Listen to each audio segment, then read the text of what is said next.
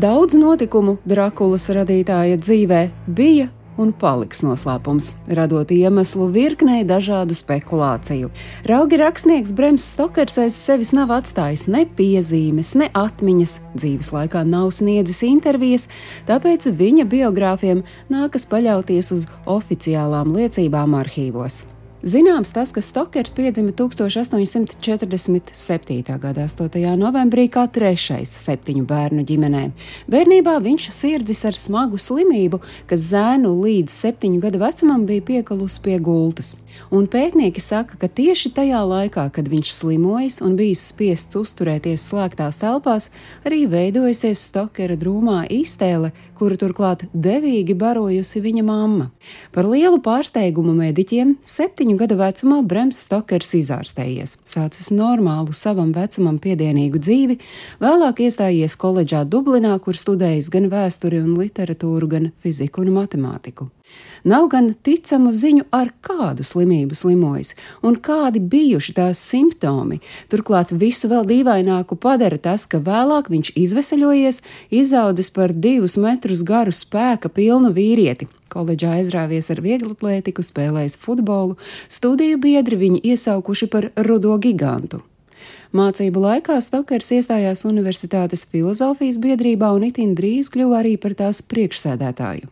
Brems Stokers augstskolu pabeidza ar izcilību. Kad viņam bija 29 gadi, viņš iepazinās ar tolaik zināmo un talantīgo aktieru Henriju Irvingu, ar kuru draudzība ļāva Stokeram iekļūt Londonas augstākajā literātu un mākslinieku sabiedrībā.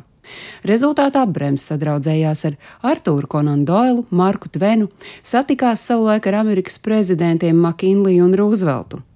Kā rakstnieks Stakers debitēja ar pasaku krājumu bērniem.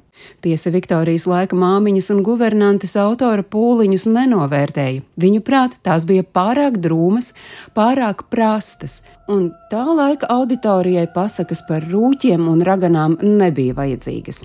Pirmais romāns Čūskas pāreja publicēts 1890. gadā, un tas arī ir gads, kad Stokers aizsāka darbu pie sava visslavenākā gara bērna - Drakulas. Tiesa publicēt to autors uzdrošinājās vien 1897. gadā. Tas notika 18. maijā, kad to izdeva Arčibalda Konstebla izdevniecība.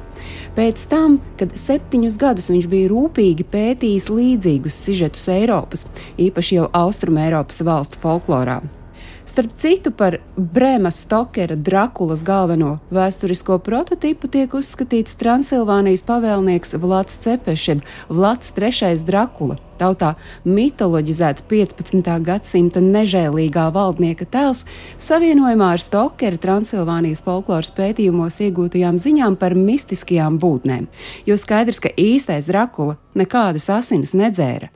Stokers ne tikai izdomāja savu grāfu Drakulu, bet viņš arī uz folkloras pamata ieviesa dažus jauninājumus. Folklorā, piemēram, dzīvie miroņi un vilkači ir stingri nodalīti. Savukārt Stokera vampīrs apveltīts ar spējām mainīt savu fizisko veidolu. Tāpat kā Drakula var izsaukt negaisu un miglu, var pats par to pārvērsties, kā arī pieņemt dzīvnieka, proti sikspārņa veidolu. Drakulu neredz spogulī, viņš nevar ienākt bez uzaicinājuma, viņam ir bail no tekoša ūdens, tomēr gaismu viņš panes un saules staros neapdeg. Folkloras vampīrs nedrīkstēja kustēt tālu no sava zārka. Stokers to atrisināja, liekot Drakulam pārvietoties kastē, kura pilna ar dzimto zemi. Nu, faktiski viņš izvilka vampīru no laukiem uz lielpilsētu. Stokers arī esot pirmais, kurš jauna vampīra radīšanas procesā liek upurim dzert paša vampīra asinis.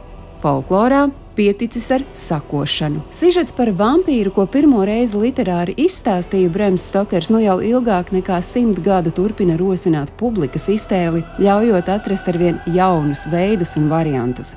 Pēc šī stāsta sižeta uzņemts vairāk nekā 120 filmu, un patiesībā tās aizsāka šausmu filmu tradīciju. Romānu par Drakulu Stokers veltīja savam labam draugam, bet viskaislīgākā šīs grāmatas pielūdzēja bija rakstnieka mamma.